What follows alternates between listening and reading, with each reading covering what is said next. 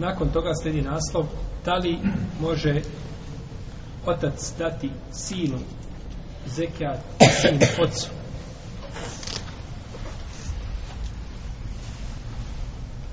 Ovo pitanje ima jedno generalno pravilo na osnovu koga možemo znači lahko ovo i drugo pitanje znači možemo ih rezonovati na osnovu tog pravila a to je da se ne može dati zekijat osobi koju je dotična osoba koja izdvaja zekijat dužna da izdržava.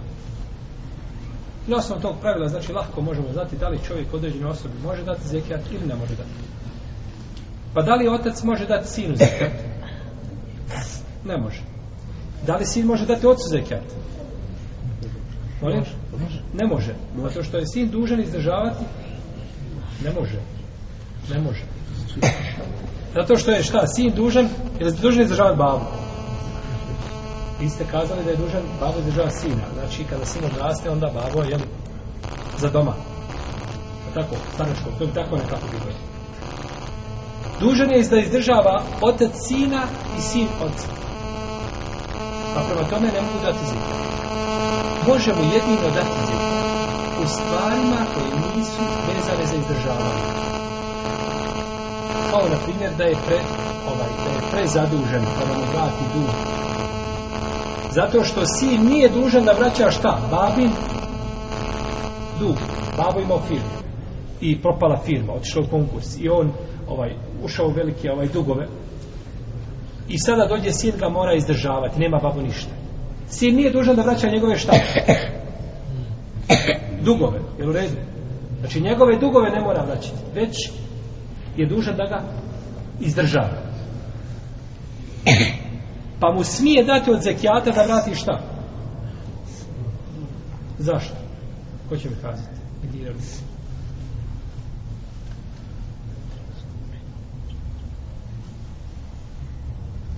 Jedan zna, zna li još neko? Ajde reci. Zato što dug zapravo nije metak onog ko treba da vrati, nego ono kome treba da se vrati ne daje bavi svom, nego daje nekom drugom. Nema to veze. On ga daje bavi u stvari. To je jedna od skupina koja se daje. Zašto je Molim? Ima veze s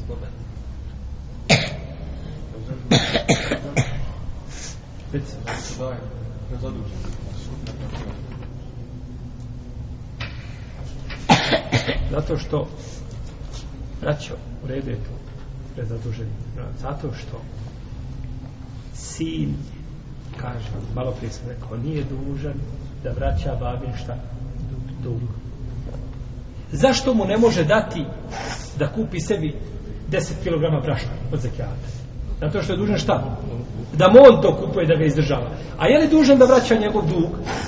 Nije. Pa u tom slučaju babin dug biva kao da je to neka šta strana osoba. Nema veze čime sa izdržavanjem. Nema veze sa izdržavanjem. Ovo pravilo znači morate shvatiti.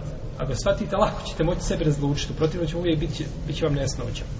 Znači, ako osoba koja izdvaja zekijat nije dužna da izdržava tu osobu kojoj daje zekijat, može joj, znači, dati zekijat.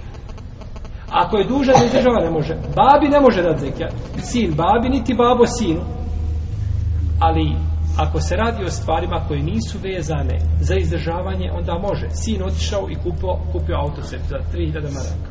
I nakon toga izgubio posao, ostao bez auta, ništa, ne može auto stoji, ne može ga prodati, ne može ništa. I dužan 1000 maraka za auto. Babi je dozvoljeno da iz 1000 maraka iz zekijata da šta? Sinu da vrati šta? Dug. Zato što ta 1000 maraka nije u sklopu izdržavanja pa biva s te strane kao da je to dao nekoj stranoj osobi. Jel jasno? E, to mi je znači to.